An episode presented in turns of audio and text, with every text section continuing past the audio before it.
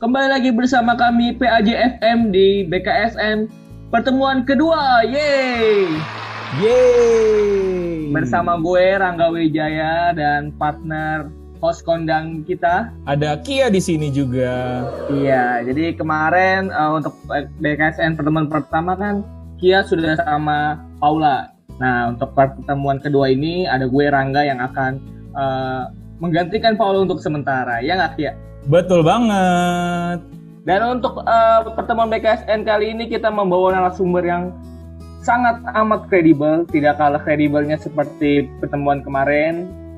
Kita ada Frater Daniel. Ya, rame ya sama Frater Daniel ya nih oh, hari ini. ya. nah, kita hari ini bareng Frater Daniel dan Frater Daniel bakal jadi narasumber untuk tema minggu kedua BKSN kali ini yaitu apa Karangga? Yaitu Allah yang hadir sebagai korban ketidakadilan. Wow. Wah, ini dari apa? Dari temanya aja ini sedikit kontroversial ya. Karena masa Allah jadi korban?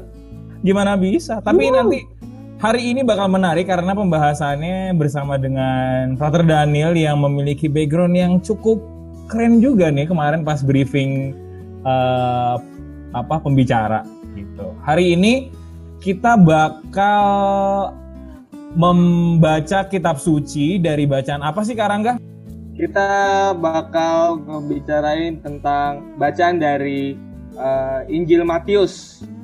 Injil Matius bab 25 ayat 31 sampai 40 ya. Betul banget. Jadi kita akan ngebahas ini bersama Frater Daniel sebelumnya Father Daniel sapa-sapa dulu dong ke kita. Ya teman-teman PAJ FM, bagaimana kabarnya? Ya luar Masih biasa. Luar biasa ya, luar biasa. Saya kangen udah lama ke Atma Jaya nih. Biasanya sekali suka main kalau liburan ke teman-teman Atma Jaya. Oke, uh, sebelum kita mulai lebih lanjut, kita bakal doa pembuka dulu nih ya, Frater sama teman-teman sekalian biar afdol biar katolik banget lah istilahnya. Silakan doa pembuka akan dipimpin langsung oleh Kak Rangga. Silakan Kak. Oke terima kasih Kak Kia. Mari teman-teman Romo dan Frater nah, sebelum kita mulai BKSN pada hari ini marilah kita bersatu dalam doa. Dalam nama Bapa, Putra, Roh Kudus, amin. Ialah Bapa yang Maha Adil, kami bersyukur atas kasih-Mu kami kau beri kesempatan untuk merenungkan keadilanmu yang terungkap dalam firmanmu. Di masa adaptasi kebiasaan baru ini, penuhilah kami dengan roh kudusmu, agar kami mampu memahami sabdamu serta melaksanakan dalam hidup kami. Kuatkanlah kami dalam menerapkan ajaranmu untuk bertahan dan melewati masa-masa sulit dalam hidup kami. Doa ini kami panjatkan kehadiratmu melalui Yesus Kristus Putramu, Tuhan dan pengantara kami, yang hidup dan berkuasa kini dan sepanjang segala masa. Amin. Dalam Bapa, Putra, Roh Kudus. Amin. Terima kasih Karangga untuk doa pembukanya. Sekarang kita mungkin sedikit apa ya uh, pengantar di awal dulu nih Karangga. Kita bakal ngapain aja hari ini? Nah, jadi uh, untuk kali ini kita yang pasti kita bakal uh, ngebahas tentang Allah yang hadir sebagai korban ketidakadilan bersama Pakar Daniel. Sebelumnya bagi teman-teman nanti juga kita akan membuka sesi diskusi dan sesi tanya jawab. Jadi nanti uh, kalau yang mau nanya bisa mengacungkan uh, say hi gitu ya. Baik, saya akan membacakan pengantar pada hari ini. Keadilan dalam paham kitab suci tidak pernah berhenti sebagai teori atau konsep belaka Ketika kitab suci mengangkat tema keadilan, singkaplah sebuah keadaan shalom, harmoni atau damai sejahtera yang mewarnai hidup manusia dalam relasinya dengan Allah dan juga dengan sesama. Keadaan shalom artinya sebagai suatu suatu berada pada tempatnya, tidak rusak ataupun kekurangan sesuatu. Namun di waktu yang bersamaan juga terungkap bagaimana usaha Allah dan manusia dalam mewujudkan tersebut. Allah yang kita kenal dalam kitab suci adalah Allah yang adil, baik sifat maupun tindakan, kepada semua makhluk ciptaannya. Allah selalu berdiri di samping para korban ketidakadilan untuk membela mereka dan memulihkan keadaan mereka. Sejak awal, relasi antara Allah dan bangsa Israel bagaimana yang terulang dalam kitab Imamat. Allah mengajak bangsa pilihannya ini untuk bertindak adil, menjadikan rezeki mereka untuk orang miskin dan orang asing. Berbelas kasih dengan sesama yang membutuhkan, mampu berbagi supaya jangan sampai ada orang yang hidup kelaparan di tengah-tengah mereka Hal ini dipertegas kembali dalam ajaran Tuhan Yesus yang kita baca dalam Injil. Uh, itu uh, pengantarnya. Kembali lagi ke Kakia. Oke, terima kasih Kak Rangga. Nah, sekarang kita langsung aja ke bacaan kita pada hari ini yaitu Matius 25 ayat 31 sampai 40. Tuhan beserta kita, sekarang dan selama-lamanya. Inilah Injil Yesus Kristus menurut Santo Matius.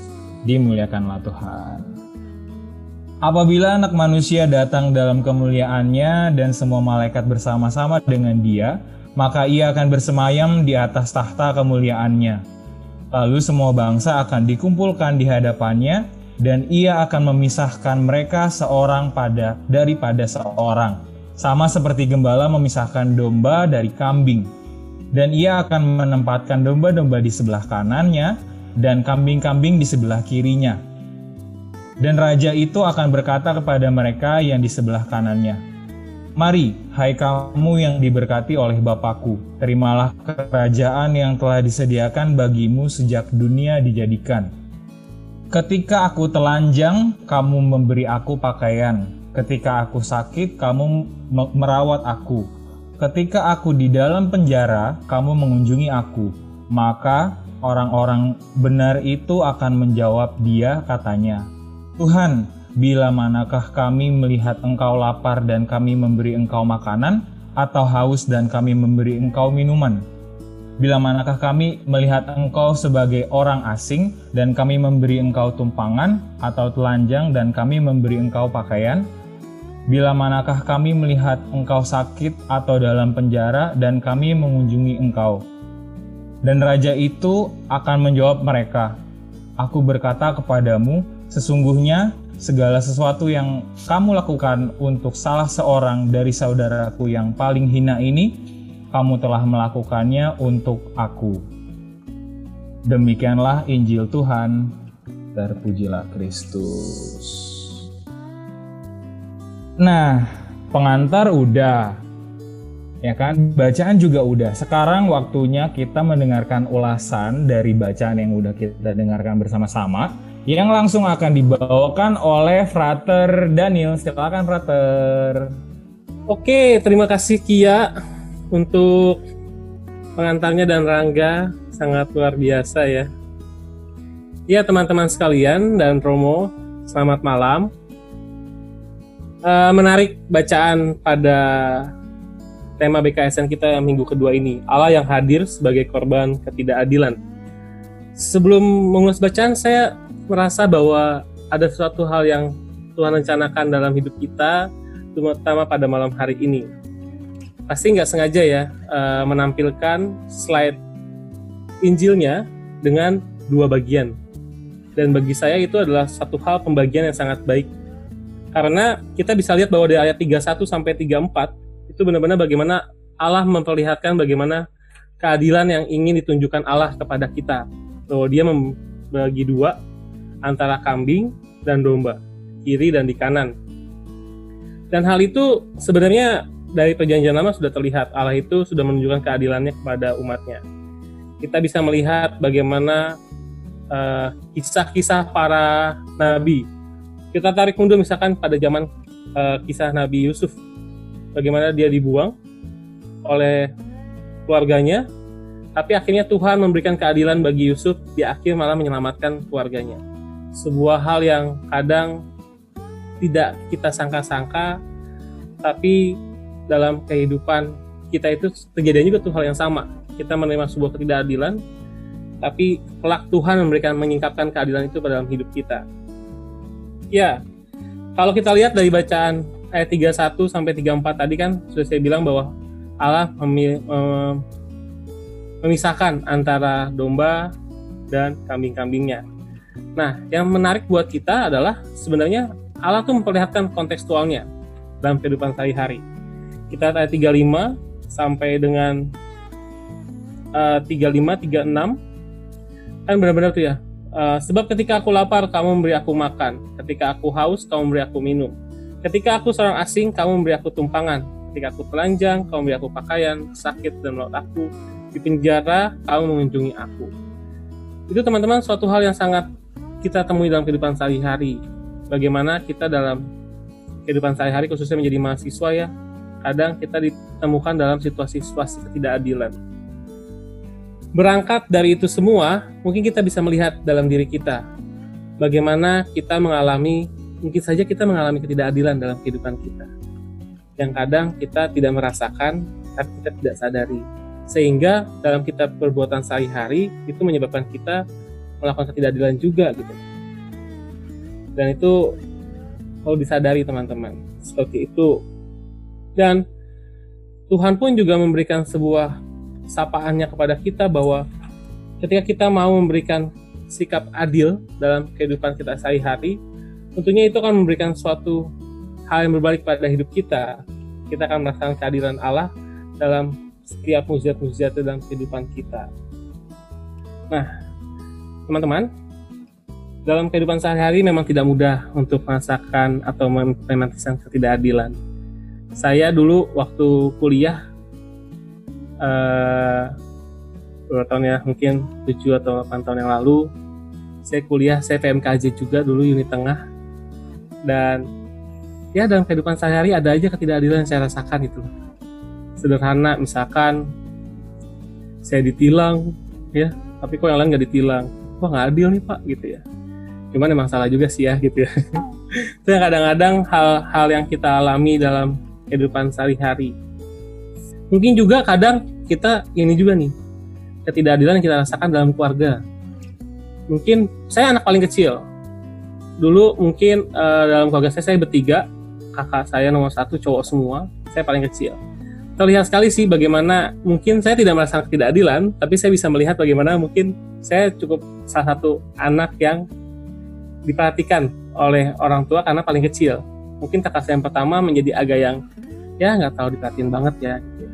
Dan itu saya sadari sekali sang-sang ini sih, apalagi dengan konteks Allah yang hadir sebagai korban ketidakadilan.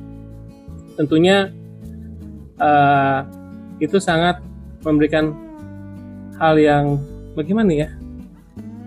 Tidak mudah ya untuk melihat sebuah ketidakadilan itu terjadi. Dan kalau kita lihat di perjanjian lama juga, sebenarnya Allah juga menjadi korban ketidakadilan, teman-teman. Bayangkan dia sudah menyelamatkan bangsa Israel, tapi terkadang bangsa Israel itu jenuh akan pemberian dari Allah, sehingga mereka membuat buat berhala dan sebagainya, dan akhirnya Allah menjadi korban ketidakadilan bangsa Israel sudah ditolong, tidak malah tidak malah memuliakan Allah, tapi malah mencari yang lain. Mungkin sama dengan kita dalam kehidupan sehari-hari. Mungkin kita secara nggak sadar dalam kehidupan sehari-hari kita hanya ke Allah, ke Tuhan, ketika kita sedang sedih. Kadang ketika kita sedang sedang, sedang sukacita, senang, eh, bisa ujian dengan baik, eh, IP bagus, dapat pacar yang baik gitu ya, punya teman yang deket gitu ya. Tapi kita kadang lupa sama Tuhan. Dan bagi saya terkadang juga Tuhan menjadi korban ketidakadilan dari kita semua. Akan tetapi dalam kehidupan sehari khususnya pada saat-saat pandemi ini nih ya bagi saya sebuah hal yang bisa kita terapkan dalam kehidupan sehari-hari adalah menjadi pribadi yang mau mendengarkan teman mau menyapa teman. Hal sederhana yang bisa dilakukan.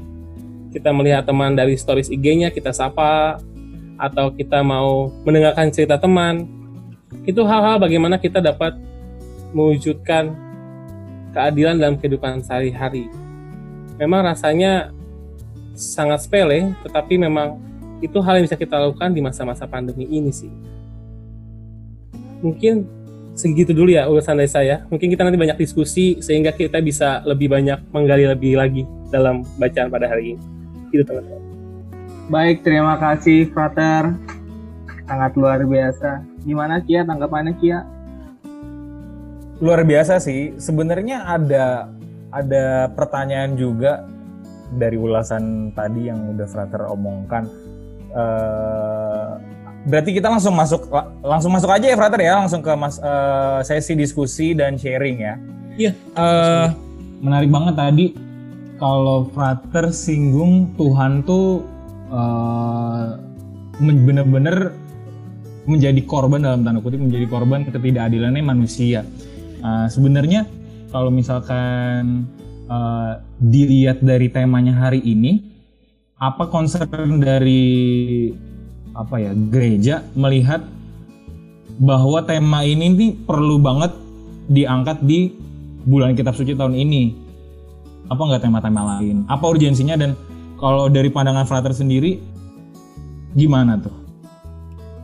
Ya, kalau temanya kan Allah yang hadir sebagai korban ketidakadilan ya. Tadi kan mungkin di awal pengantar Iya sama Rangga juga diskusi bahwa wah Allah jadi korban ketidakadilan ya. Itu mungkin menjadi hal yang unik.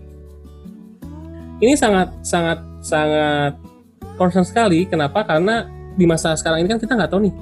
Mungkin pada bulan Januari kita belum di Desember kita tahu nih ada COVID-19 ya.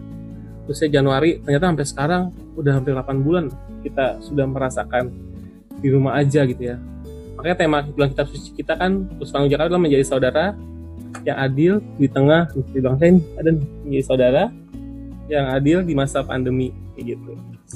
Itu menjadi salah satu pengantar kita dapat merefleksikan kitab suci sehingga kita dapat karena kan ini bacaan yang dipilih adalah sangat sangat konkret ya dalam kehidupan sehari-hari. Bagaimana kita bisa memberikan sesuatu kepada sesama di masa-masa yang sulit ini. Memang mungkin kadang kita merasakan kita aja udah susah gitu ya, tapi kok masih harus mengikuti kita suci untuk bantu orang lain.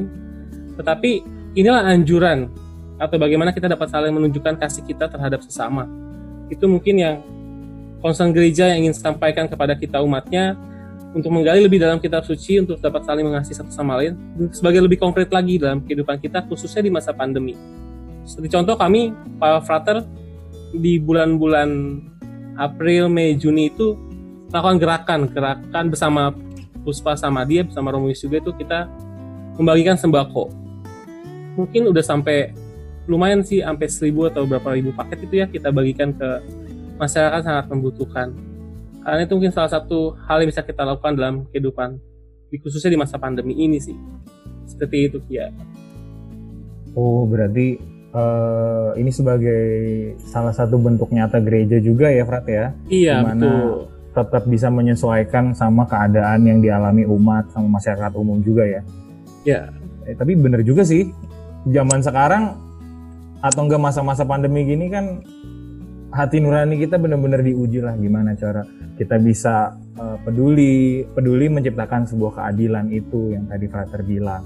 Ya, karena memang kita harus dapat melihat sampai ke titik kita bisa melihat bahwa orang-orang yang membutuhkan itu adalah sebenarnya wajah-wajah Allah. Nah, kalau kita ingat adalah uh, Misericordia Vultus mungkin 2016 ya. Itu wajah kaiman Allah itu sebenarnya di dalam kehidupan saya kita adalah sesama kita gitu. Bagaimana kita melihat sesama kita, itulah Allah yang hadir gitu. Ketika kita menolong dia, ya kita menolong Allah sama seperti bacaan tadi kan. Seperti aku lapar, kau memberi aku makan dan sebagainya itu benar-benar kita diingatkan kembali untuk dapat peka dan peduli terhadap sesama. Seperti itu. Oke mantap. Nah, untuk yang lain nih teman-teman yang ada di pertemuan kali ini, ada yang mau bertanya kah? Ada yang mau sharing juga kah? Dipersilakan ya. Atau Siapa? enggak, gue dulu nih kayaknya Kian. Oke, oke. Iya, gue sih lebih uh, ke sharing sih sebenarnya uh, mengenai ketidakadilan karena ini beneran relate dan kayaknya uh, lagi gue alami akhir-akhir ini gitu ya uh, kan gue sekarang lagi ambil yang namanya kayak semester magang gitu ya yang harus uh, magang di uh, tahun ini dan waktu itu sebelum gue ambil SKS temen gue bilang lu udah dapat belum? Udah dapat belum? Yang lain padahal udah pada dapat semua tuh ya. Terus belum dapat gue bilang. Dan kalau misalnya gue nggak bisa dapet kayak gue bisa SKS gue tuh bisa nol gitu ya. Gue nggak ya terus gue kayak meyakinkan diri gue sendiri aduh gue udah ngeplay banyak gitu ya. Gue udah berdoa juga ya Tuhan minimal satu gitu ya masuk dalam kriteria next buat diwawancara ini. Gue beneran gak dapet tuh kan. Sampai setelah uh, kayak hampir sebulanan gitu ya gue udah apply banyak udah. Akhirnya gue mau ambil kerja aja kerja kan. Dan gue SKS gue udah gak gue ambil juga. Berarti mau nggak mau gue harus magang gitu kan. Gue udah berdoa gitu ya. Tapi ketika gue udah ambil kerja malah yang gue apa apa itu baru munculnya sekarang gitu loh. Kayak gue nggak mengharapkan gue pikir gue kayaknya nggak bisa magang tahun ini. Ternyata itu akhirnya ada gitu loh. Dan yang gue ambil dari sini kayak kayak gue setiap hari maksudnya gue minta tolong sama Tuhan ya Tuhan tolonglah gitu ya. Uh, minimal satu gitu. Terus ya udah akhirnya ya gitu kan. Gue udah berdoa terus gue udah mulai hopeless gue udah mulai ya udahlah gitu kan. Eh malah dapet gitu loh. Nah itu kayak bentuk apa ya bahwa gue mikir bahwa Tuhan tuh nggak adil di awal gitu ya. Maksudnya ya masa gue udah apply banyak nggak ada hasilnya. Ternyata ketika gue ya udah gue mulai sabar gue tenang gitu ya ya udahlah pasti ada jalannya. Kalau dapet dapet kalau nggak nggak. Nah sekarang malah baru akhir-akhir ini yang bales-balesin dari email tuh banyak gitu loh yang gue ambil ya itu. Berarti kalau misalnya kita usaha terus terus kita minta beneran dengan sungguh Tuhan tuh pasti kasih. Nggak usah terlalu pusing nggak usah terlalu banyak kayak uh, lu harus memperjuangkan yang materi-materi cukup lu minta aja ke sama Tuhan pasti bakal diproses kayak gitulah istilahnya gitu sih oke wah serinya cukup dalam ya karena relate sama tema dan apa yang dialami Rangga ya. Wah. Berarti emang kalau kata Frater Daniel ini tidak kebetulan. Berarti memang sudah dirancang yeah, terus tidak betulan. Betul. Jadi Rangga bisa sharing di sini kan itu sebuah ungkapan iman ya Frat ya. Yeah. Nah, uh, dari sharing tadi uh, dari sharingnya Rangga sama apa udah ya udah ada pertanyaan dari saya lagi. Untuk teman-teman di sini apakah ada yang mau bertanya atau sharing juga. Rainer nih, Rainer. Oh, Rainer. Oke, okay, Rainer. Silakan Rainer. Ya, oke. Okay. Ini temanya menarik banget nih, Pak. Tadi penanya ini sih. Kan kita ngomongin bahwa di sini uh, yang korban ketidakadilan si uh, Allah nih maksudnya dengan kondisi yang ada. Cuman kan kalau kita uh, di hidup gitu maksudnya kan orang sering banget kan bilang hidup nggak adil hidup nggak adil gitu gimana maksudnya ketika orang aja tuh masih mikir bahwa hidupnya tuh nggak adil gimana caranya dia sampai mikir uh, bahwa Allah yang jadi korban ketidakadilan padahal di satu sisi dia juga berpikir bahwa dia sebenarnya yang korban ketidakadilan gitu. Kayak gitu gimana Fat? Uh, gimana coba tanyain diulang coba saya agak bingung maksudnya uh, ini kayak ini sih kayak ketika ini kan temanya lebih ke Allah yang sebagai korban ketidakadilan. Yeah. kan uh, maksudnya manusia pun sekarang juga pasti kan banyak yang bilang apalagi di kondisi kayak gini kan yeah. ketika mengalami penderitaan mereka kita pasti kan nganggap bahwa oh kita nih korban ketidakadilan uh, muncul dong maksudnya perasaan egois gitu-gitu ya maksudnya gimana uh, biar kita tuh bisa paham bahwa sebenarnya ya Allah tuh juga bisa jadi korban ketidakadilan ini loh dan ada hal yang harus kita ada yang harus kita pikirin selain diri kita kayak gitu tuh gimana Pak? ya paling konteksnya gitu. Ya saya saya bisa jawab dengan ungkapan seperti ini. Eh, kadang-kadang kan ini kan di masa pandemi ini ya 2020 ya. Kalau tadi saya bilang bahwa Allah itu sebenarnya adalah sama kita juga gitu. Makanya mungkin diri kita juga mungkin cerminan wajah Allah bagi sesama kita. Itu yang kadang-kadang. Nah mungkin kalau misalnya saya bilang di konteks misalkan bagaimana melihat Allah yang masa kita merasa nggak adil dalam hidup kita tetapi bagaimana bahwa sebenarnya tuh Allah yang ngerasain juga ketidakadilan gitu ya.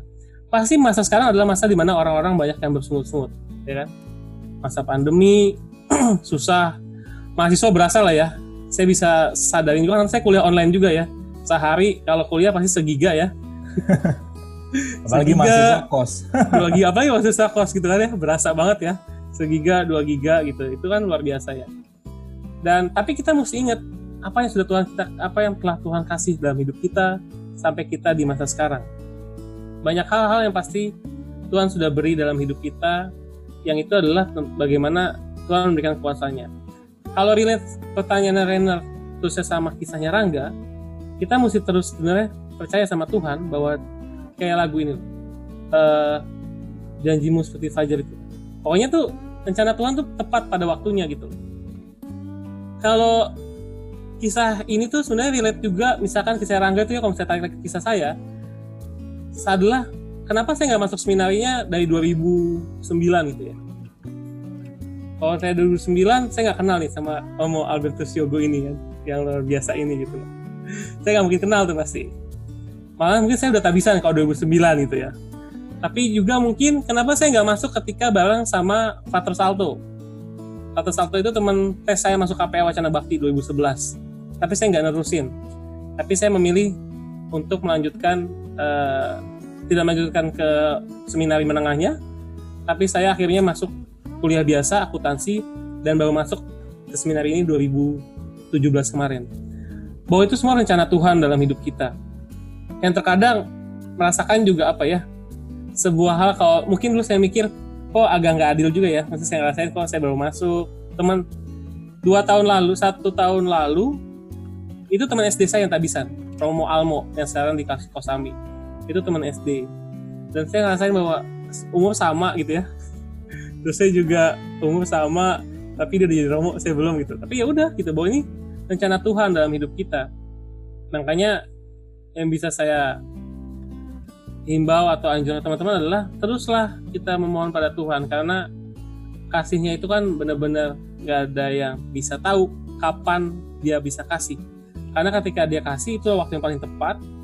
Itu adalah momen yang paling tepat Tuhan kasih dalam hidup kita dan syukurilah ketika itu sudah terjawab. Karena mungkin masih banyak orang-orang yang masih menunggu jawaban dari Tuhan.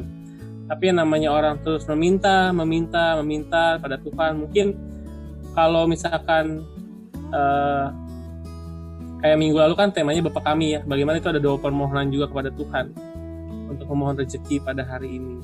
Seperti itu. Itu Renner kejawab nggak Renner jawab jawab. Thank you Fat. Ya. mantap. Adakah teman-teman lain yang ingin menanyakan sesuatu terkait hmm. tema bahasan Paula kita hari Paula ini? jemput. Oh Paula Paula. Oke silakan Paula. Uh, halo Frater halo. Uh, aku Paula, uh, aku mau sedikit sharing sih sebenarnya sama tema BKSN minggu ini. Uh, tema BKSN minggu ini kan Allah yang hadir sebagai korban ketidakadilan. Jadi aku mau sedikit sharing, uh, aku punya teman di Atma juga, tapi beda jurusan dan beda fakultas. Teman aku ini dari fakultas psikologi. Kebetulan kita ketemu karena satu kelas di mata kuliah umum gitu kan. Terus uh, singkat cerita, uh, teman aku ini adalah uh, berasal dari keluarga yang berada gitu, Frat.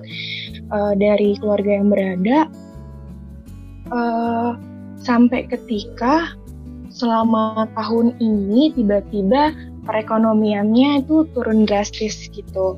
Uh, dia sering uh, belakangan ini sering cerita sama aku sampai perkuliahannya ini biaya pun nggak kebayar kayak gitu. Jadi tunggakannya banyak uh, tanggungan di luar perkuliahannya juga banyak kayak gitu.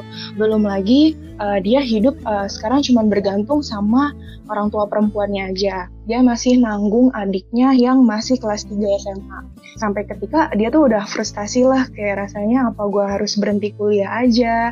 Uh, apalagi adik gue udah kelas 3 mau kuliah kayak gitu kan. Dia lebih mentingin adiknya.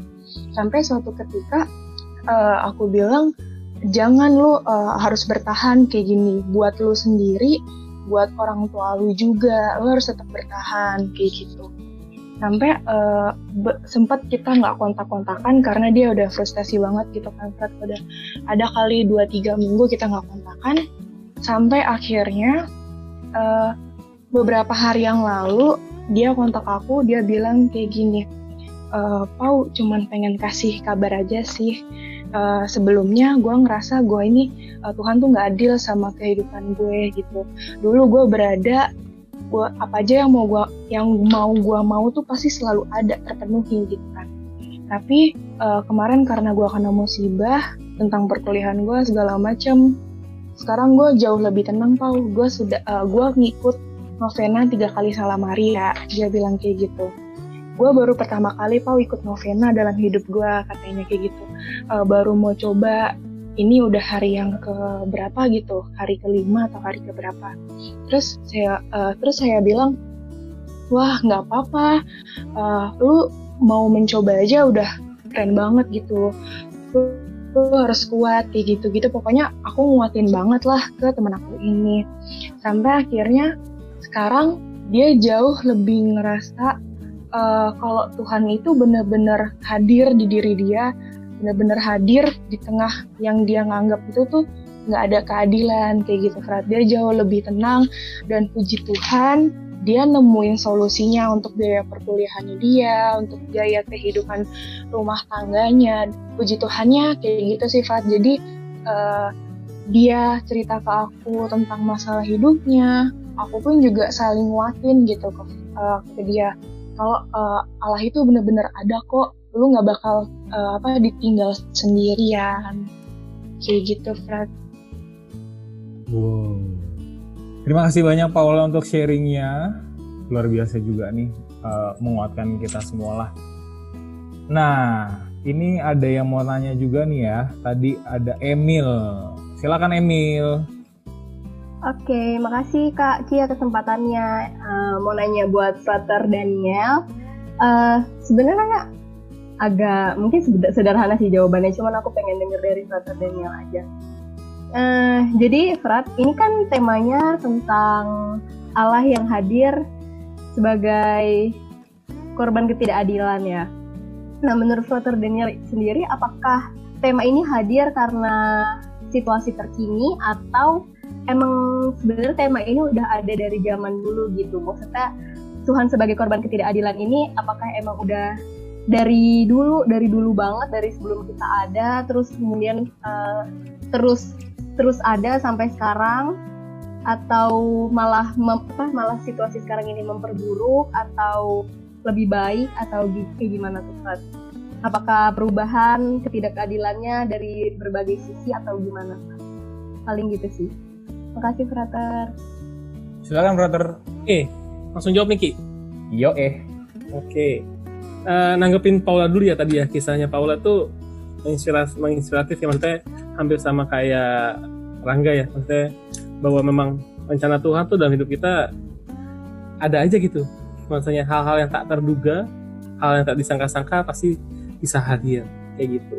Pokoknya semangatin terus saya temannya karena mungkin aja Tuhan mengirim Paula itu untuk menyemangati temennya gitu. kayak gitu. Saya kalau Emil pertanyaan adalah tema ini apakah udah ada dari dulu-dulunya atau karena situasi pandemi ya tadi saya sempat bilang uh, dari zaman dulu tuh sebenarnya Allah mungkin sebagai korban ketidakadilan ya. ya. Bagaimana bangsa Israel sudah ditolong, tapi kadang dia membelot ke berhala, uh, menyembah berhala, patung dan sebagainya gitu ya. Kadang seperti itu. Dan itu mungkin terjadi tuh yang namanya Allah tidak diindahkan gitu. Dan tadi saya bilang juga mungkin terkadang kita menjadi pribadi yang kadang juga tidak adil nih sama Allah. Dia udah kita kasih, dia sudah kasih kita hal-hal baik, uh, rasa syukur yang kita alami, kehidupan yang baik dan sebagainya. Tapi kadang kita pasti masih menuntut sama Tuhan. Kok belum, kok belum, kok apa, kok begini hidup saya, kok begini gitu. Mungkin itu yang dirasakan juga oleh Allah. Tapi karena konteksnya sekarang memang situasi pandemi ini, ini sangat relate banget dalam kehidupan kita. Bagaimana bahwa sebenarnya Allah yang harus sebagai korban ketidakadilan adalah sebenarnya sama kita juga yang perlu kita tolong. Makanya bacaannya sangat anjuran atau himbauan atau ajakan untuk benar-benar bersikap sangat konkret. Harus menolong sesama. Makanya tadi saya bilang mungkin contoh yang paling sederhana bagi kita adalah bisa menyapa teman. Seperti tadi yang Paula lakukan kan bisa menguatkan teman di situasi pandemi ini. Memang tidak mudah menghadapi situasi pandemi ini bagaimana. Mungkin juga ini kan situasi yang nggak uh, ada yang tahu ya tahu-tahu 2020 ada covid gitu ya dan hebat sekali gitu pertemuan BKSN aja sampai harus kayak gini. Kita jadi terbiasa nih uh, conference-conference online gini yang biasanya orang-orang hebat yang ngelakuin kayak gini kan ya. Presiden atau negara atau misalkan para para pengusaha gitu ya. Kita nggak pernah nih ngalamin kayak gitu tapi kita kayak dipaksa untuk melakukan seperti ini. Tapi dari situ juga kita bisa harus tetap membantu sesama dengan hal sederhana. Eh, itulah menurut saya sih bagaimana uh, Allah yang hadir sebagai korban ketidakadilan seperti itu Oke, terima kasih Frater. Baik teman-teman, ada yang mau nanya lagi? Atau ini Frater? Mungkin ada sisa Oh nih, pertanyaan mega, di- mega, mega, mega. Oh iya, Mega. Mega udah. Ah. Mega.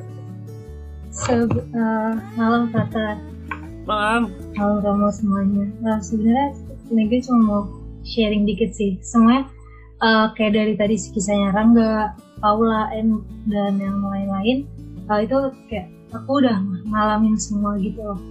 Kayak sekarang sesuai waktu sama Rangga lagi nunggu magang, udah dihubungin tapi belum ada apa konfirmasi lagi dan terus eh, jujur Eh, saya dari SD dari kecil itu udah eh, diajarin sama orang tua untuk terus melayani gitu kan. Nah sampai akhirnya waktu itu kelas 3 SMA saya mau kuliah nih bingung nggak bisa masuk PTN dan nggak ada uang untuk masuk universitas swasta. Nah akhirnya eh, mungkin karena emang pelayanan terus terus dari orang tua juga uh, didukung udah coba kuliah dulu Atma Jaya gimana pun caranya nanti akan dicari uangnya gitu dari orang tua. Nah puji Tuhan ada pengumuman beasiswa dan di antara uh, ribuan orang yang daftar saya keterima gitu dan di situ saya uh, gimana ya, ngerasain uh, oh ada feedback nih dari Tuhan dulu uh, karena saya sering melayani terus eh, dari rasa syukur saya itu saya terus melayani Tuhan. Akhirnya Tuhan jawab saya kalau Mega bisa kuliah loh lewat beasiswa. Seperti itu. Dan sebenarnya saya mau nanya nih Kat kalau lagi masa pandemi gini jujur saya saya nggak bisa misa online kayak kurang dapat feelnya gitu sama teman-teman saya yang lain. Terus mereka tuh sampai kayak ngomong "Eh, sebenarnya selama masa pandemi gue bingung deh agama gue apa gitu. Nah itu minta masukan aja dari Frater gimana caranya bisa uh, motivasi mereka lagi supaya mereka walaupun pandemi tapi tetap rajin misa. Terima kasih Frater. oke Mega. Silakan Frater langsung ditanggapi. hilangnya Iya. menarik ya tadi kalau dengar ceritanya Mega tuh saya ingat waktu saya sidang loh waktu saya sidang kuliah S1 itu tuh posisinya hari Selasa tapi saya Senin tuh diinfus di rumah. Dan Selasa pagi saya cabut infusan setengah delapan jam 8 saya berangkat naik kereta jam 10-an saya sidang. Dan saya nggak tahu kenapa saya dapat A di sidang saya itu. Padahal dalam persiapan skripsi itu dan sebagainya itu saya tuh bukannya SE jadinya. Dulu saya punya digasi gelar khusus saya sama Romo teman-teman semua ini tuh yang paling hebat ini Romo Yogo ini Eskom sarjana komkep gitu karena pada saat itu saya kita lagi ngerjain KJUT juga tuh. Jadi skripsi jalan eh, komkepnya juga jalan gitu. Makanya saya percaya bahwa ketika kita melayani Tuhan pasti ada cara Tuhan ngasih sesuatu ke kita yang kita nggak duga-duga dan itu adalah hal baik buat kita gitu. Even itu hal ada yang tidak baik pasti itu kita harus tetap syukuri bahwa itu dari Tuhan dan kita dapat pelajaran dari setiap apa yang kita alami. Nah kalau misalkan nanya terkait misa online. Menarik sih emang. Eh, saya mungkin salah satu juga di awal-awal tuh juga agak-agak gimana gitu ya. Aduh misa online gitu ya. Terus ya tapi eh, ada komuni batin gitu ya. Tapi memang ini adalah suatu keadaan yang luar biasa dalam gereja yang di mana bahwa masa pandemi ini benar-benar membuat kita menjadi pribadi bahwa hidup itu harus diperjuangkan. Jadi kalau kan saya juga, kuliah ya, lagi kuliah nih. Kebetulan lagi kuliah pekan-pekan moral hidup nih, saya nih lagi kuliah moral hidup gitu. loh. Bahwa hidup itu ada dua hal, yaitu adalah tentang kesucian, itu adalah suci dan satu lagi itu hidup adalah eh, yang benar-benar secara apa ya manusiawinya gitu loh. Jadi kita nggak bisa juga bisa harus secara realita juga nih melihat situasi gitu. Kalau kita memaksakan untuk tetap berkumpul, bisa aja kejadian kita malah kena eh, penyakit COVID. Akhirnya kita eh, pahit-pahitnya jelek-jeleknya kita nggak ada gitu ya. Itu malah nggak baik juga. Pasti Tuhan juga nggak mau gitu. Bahwasannya bagaimana bisa memotivasi teman-teman untuk tetap apa eh, rajin misa tetap memaknai bahwa gini memang pada saat masa pandemi ini kita tidak bisa menerima komunis secara sakramental langsung ya tubuh dan darah Kristus kita terima itu. Tapi kita mesti sadari dalam perayaan Ekaristi Allah hadir tidak hanya dalam secara sakramental iya dengan tubuh dan darah Kristus ya hosti dan anggur gitu. Tapi kita mesti lihat juga bagaimana sabda Allah itu juga. Bahwa Allah itu hadir sebagai sabda. Kayak misalnya kayak di Injil Yohanes kan di bab satu itu kan eh, pada mulanya adalah firman ya kan firman menjadi manusia eh dulu? sinyal saya oke nggak tes tes Iya iya.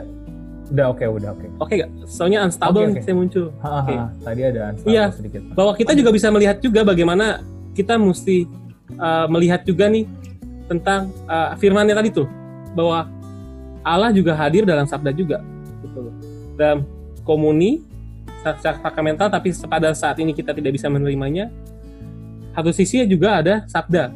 Kayak ini kayak contoh kita nih hari ini saling sharing satu sama lain. Ini pasti Allah hadir dalam kehidupan kita gitu. Kita saling menguatkan satu sama lain. Rangga menguatkan kita, Mega menguatkan kita, Paula, Emil juga, semua yang hadir di sini pasti saling menguatkan satu sama lain. Dan juga mesti diingat, ketika saat kita misa online misalkan, coba usahakan misa online itu saya bersama-sama dengan keluarga. Ingat Yesus bilang, di mana dua tiga orang berkumpul di situ aku hadir itu. Bahwa perayaan Ekaristi itu juga kebersamaan. Eh, apa secara eh, komu komuni gitu. Gimana sih? Saya ngomongnya kok gimana gimana bisa saya uh, secara ini apa bersama-sama gitu loh. Kan kita bisa nggak mungkin sendirian juga ya. Mungkin terkadang sendirian online gitu ya tapi mungkin coba bisa secara bersama-sama dengan keluarga satu sama lain. Itu pasti bisa merasakan bagaimana mungkin yang selama ini nggak pernah bisa bareng gereja bareng tapi akhirnya bisa bareng bersama keluarga. Dan itu hal yang menurut saya bisa memotivasi kita di masa-masa sekarang. Kalau tanya agamanya apa ya tetap Katolik dong gitu loh. Tetap beriman pada Tuhan kita Yesus Kristus tetap tetap harus berharap bahwa kelak ada suatu hal baik di depan sana yang kita akan rasakan gitu, gitu sih Mega Oke, luar biasa banget. Oke, Frater, eh, bener banget sih kata Frater dulu. Saya juga sempat kayak gitu tuh. Mau misa, misa online malah ngantuk. Aduh, skip aja gitu. Terus orang tua saya ngajak gitu, mau nggak mau saya diomelin kalau saya ngantuk. Jadi beneran jadi fokus gitu kan. nah, Nah, Ayo Frat, mau nanya juga nih eh, satu. Kan kita tahu sendiri bahwa orang tua kita itu kan adalah Tuhan yang kelihatan. Nah, kadang eh, pilihan-pilihan orang tua kita juga itu kadang menurut saya eh, dan saya juga cerita ke teman-teman, kok orang tua lu begitu sih mikirnya gitu ya. Ini baik lagi nih Frat. Yang harus kita lakukan tuh apa? Padahal kita tahu nih, kita maksudnya eh, di umur kini kan kita sudah bisa dibilang umur-umur yang bisa menjalankan diri sendiri gitu ya.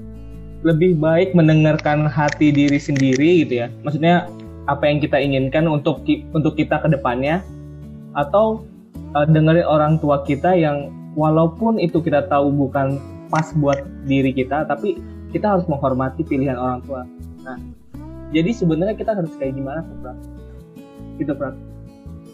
Oke Rangga, Eh, saya bisa nanggepinnya gini. Kita sadari ya bahwa kita orang Indonesia, nuansa budaya Timurid sangat kuat ya. Eh, hormat sama orang tua dan nggak ngelawan dan sebagainya itu adalah satu norma-norma di mana kita harus lakukan sebagai anak. ya.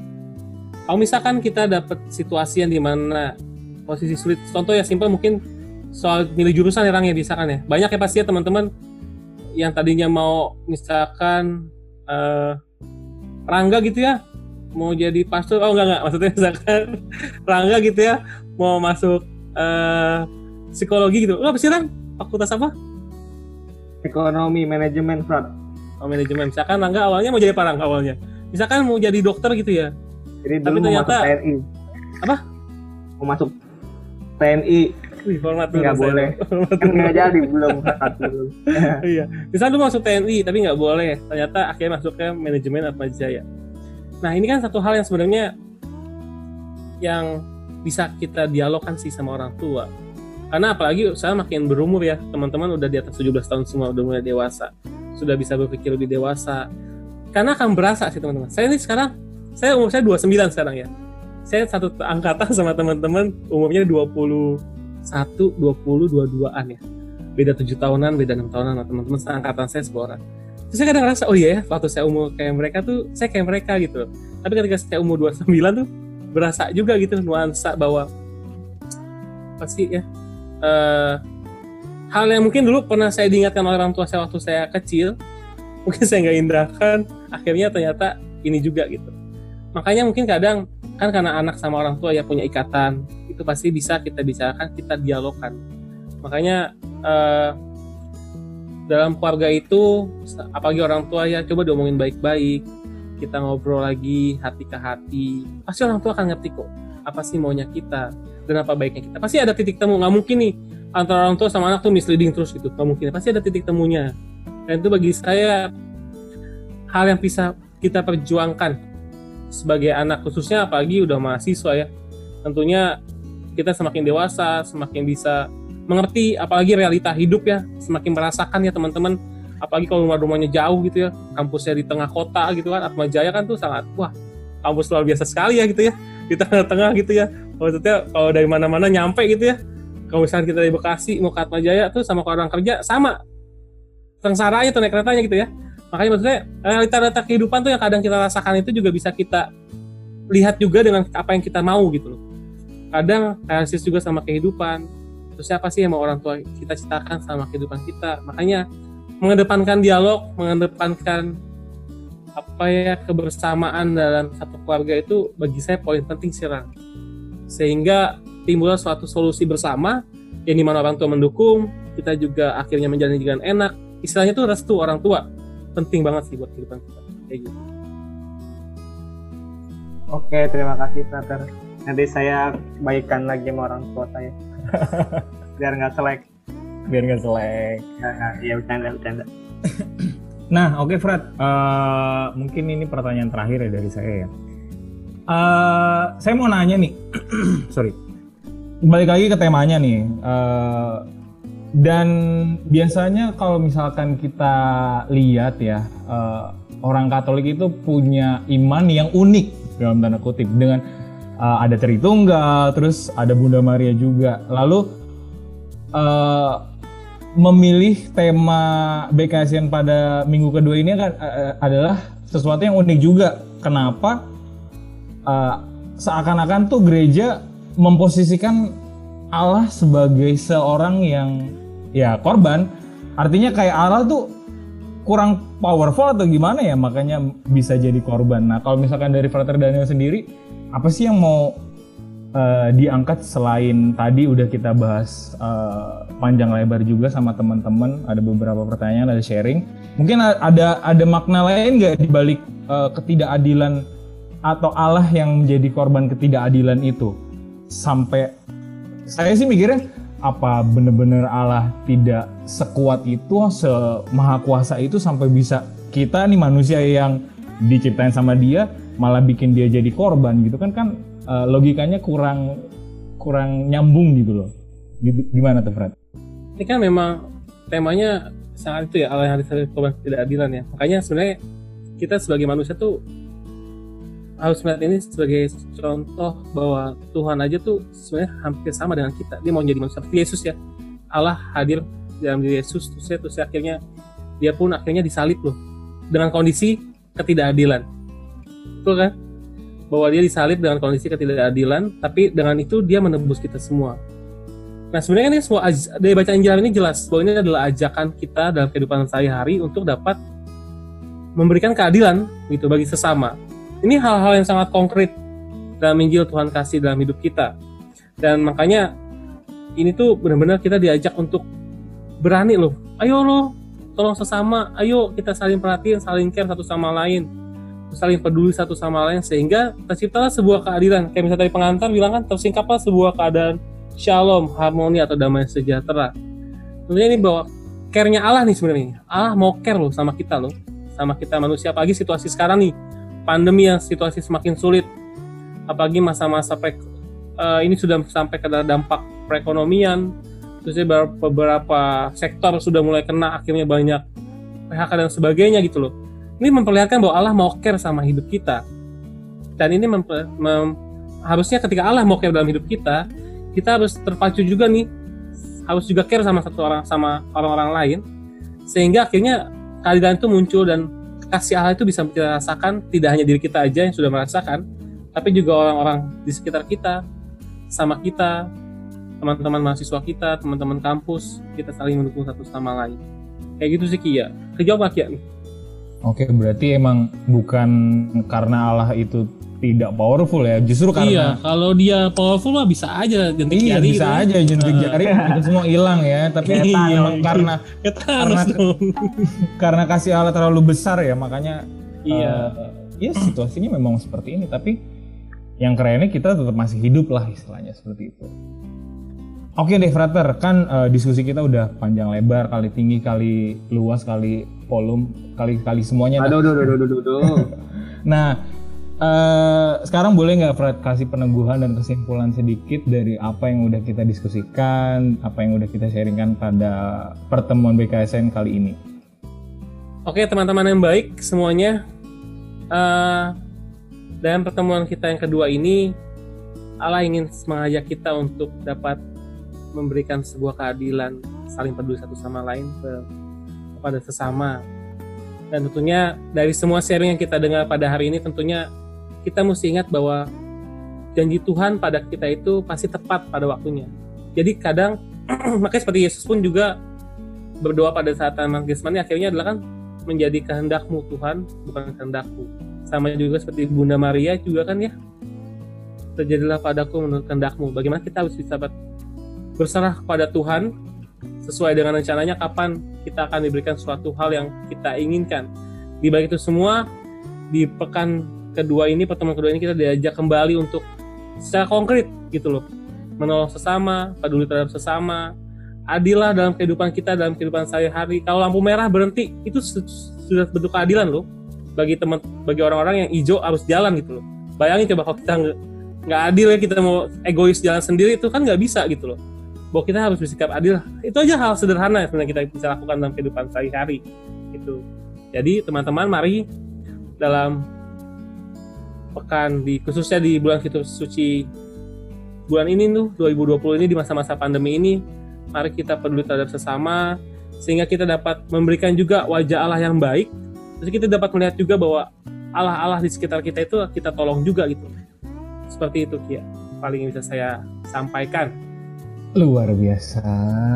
Terima kasih banyak untuk Frater atas kesimpulan dan peneguhannya. Semoga teman-teman yang ikut dan mendengarkan ini di podcast ataupun di YouTube bisa senantiasa peduli dan memberikan keadilan bagi diri sendiri, bagi sesama. Nggak perlu muluk-muluk langsung hal gede, hal-hal simple dulu aja. Betul banget. Betul banget. Misalkan kalau kita ditampar pipi kanan, jangan tampar pipi kanan lawan ya, tapi minta Iya. dong yang kiri gitu. Iya. Minta ya, nanti dikasih. Tapi Oke, bener terima- ya, apa eh, dari sharing ini pikiran gue jadi terbuka kalau emang keadilan Allah tuh bukan yang langsung semuanya dikasih, tapi bener-bener sederhana dan itu bener-bener dampaknya luar biasa banget buat kita ya. Iya betul. Ya kayak ini ki, maksudnya kalau ayah tuh eh, Allah tuh berkorban untuk sesuatu yang lebih besar lagi gitu loh. Betul betul. Gitu. Sama kayak kita juga harusnya seperti itu. Baik, terima kasih Brother Daniel eh, atas eh, waktunya di sela-sela lagi kuliah online, ya nggak gitu? Betul betul betul. Ribet tuh pasti kan. betul kuliah online loh aduh filsafat di online ini aduh Tapi karena memang sudah sarjana komkep, jadi memang di hire gampang, dihubunginya gampang. iya. saya taat saya juga ini Saya taat ya. Oke, terima kasih banyak Frater udah sharing, udah membagikan begitu banyak hal yang membuka pikiran kami masing-masing.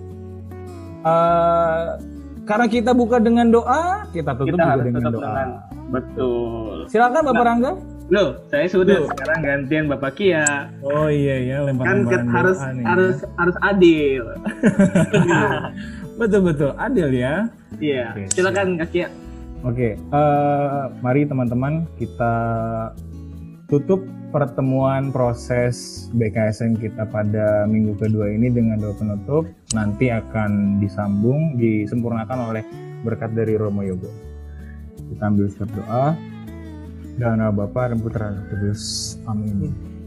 Allah Bapa, terima kasih banyak atas penyelenggaraanmu pada malam hari ini kami boleh berkumpul walau secara daring, secara virtual pada malam hari ini.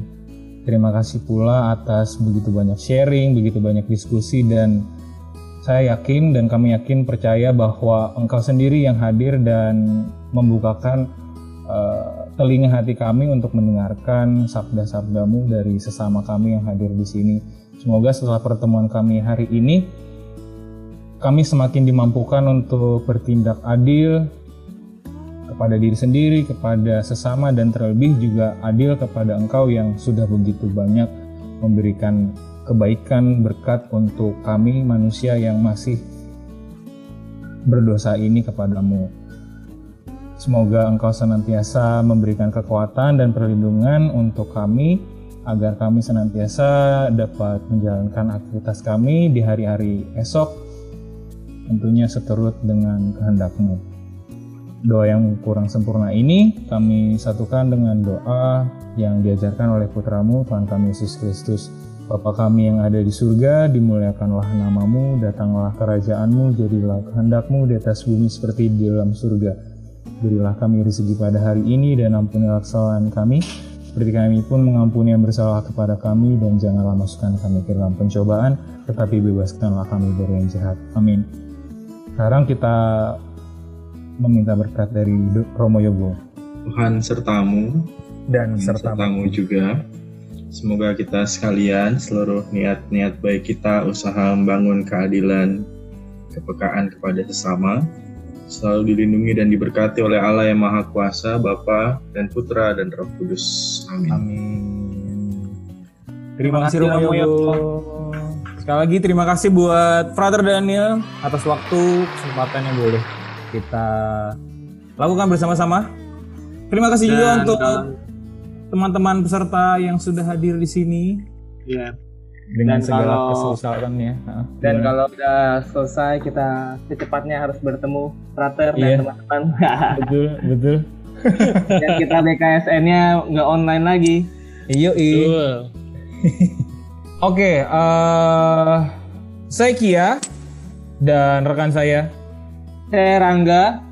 Kami berdua mohon undur diri. Terima ya. kasih untuk teman-teman yang sudah mendengarkan dan menonton. Sampai jumpa di BKSN minggu ketiga dan minggu selanjutnya. Dadah. Sampai jumpa. Bye.